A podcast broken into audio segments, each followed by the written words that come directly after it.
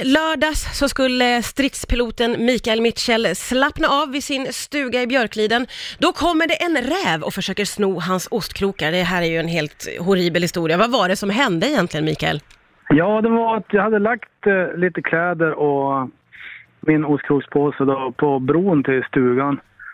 Och så skulle jag eh, prata i telefon lite grann, så jag väntade med att gå in och jag gick iväg en liten bit. Och så ser jag hur räven kommer där och börjar nosa i, i prylarna då. Så eh, jag, var, jag la på då och så tänkte jag ska filma istället, så började jag gå närmare. Ja. Och så såg jag hur han tog uh, ostkrokspåsen då och, och kutade iväg en liten bit. Vad gjorde du då? då?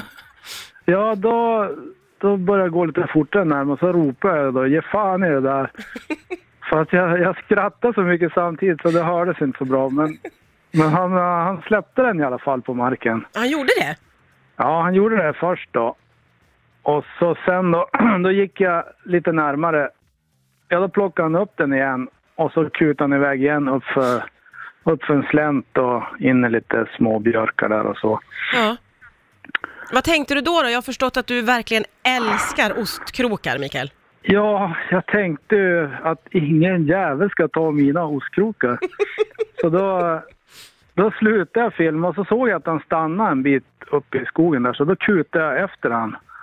Och så tog jag tillbaks påsen helt enkelt. Men ha- hade han släppt den då, eller ryckte du den från rävens mun? Nej, han släppte den när jag kom. Ja. Eh, när jag började komma nära.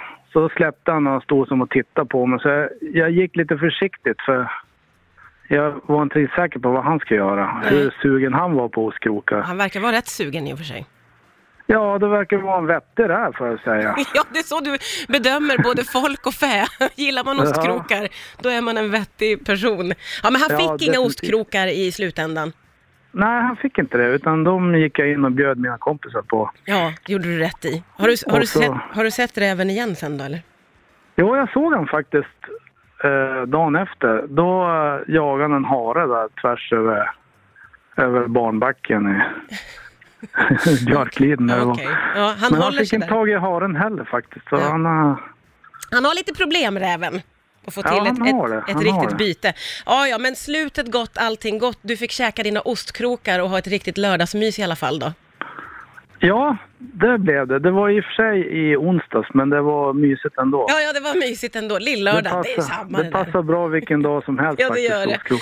Du, eh, Mikael Mitchell, så himla kul att du var med här. Tusen tack för att du var med på Rix FM.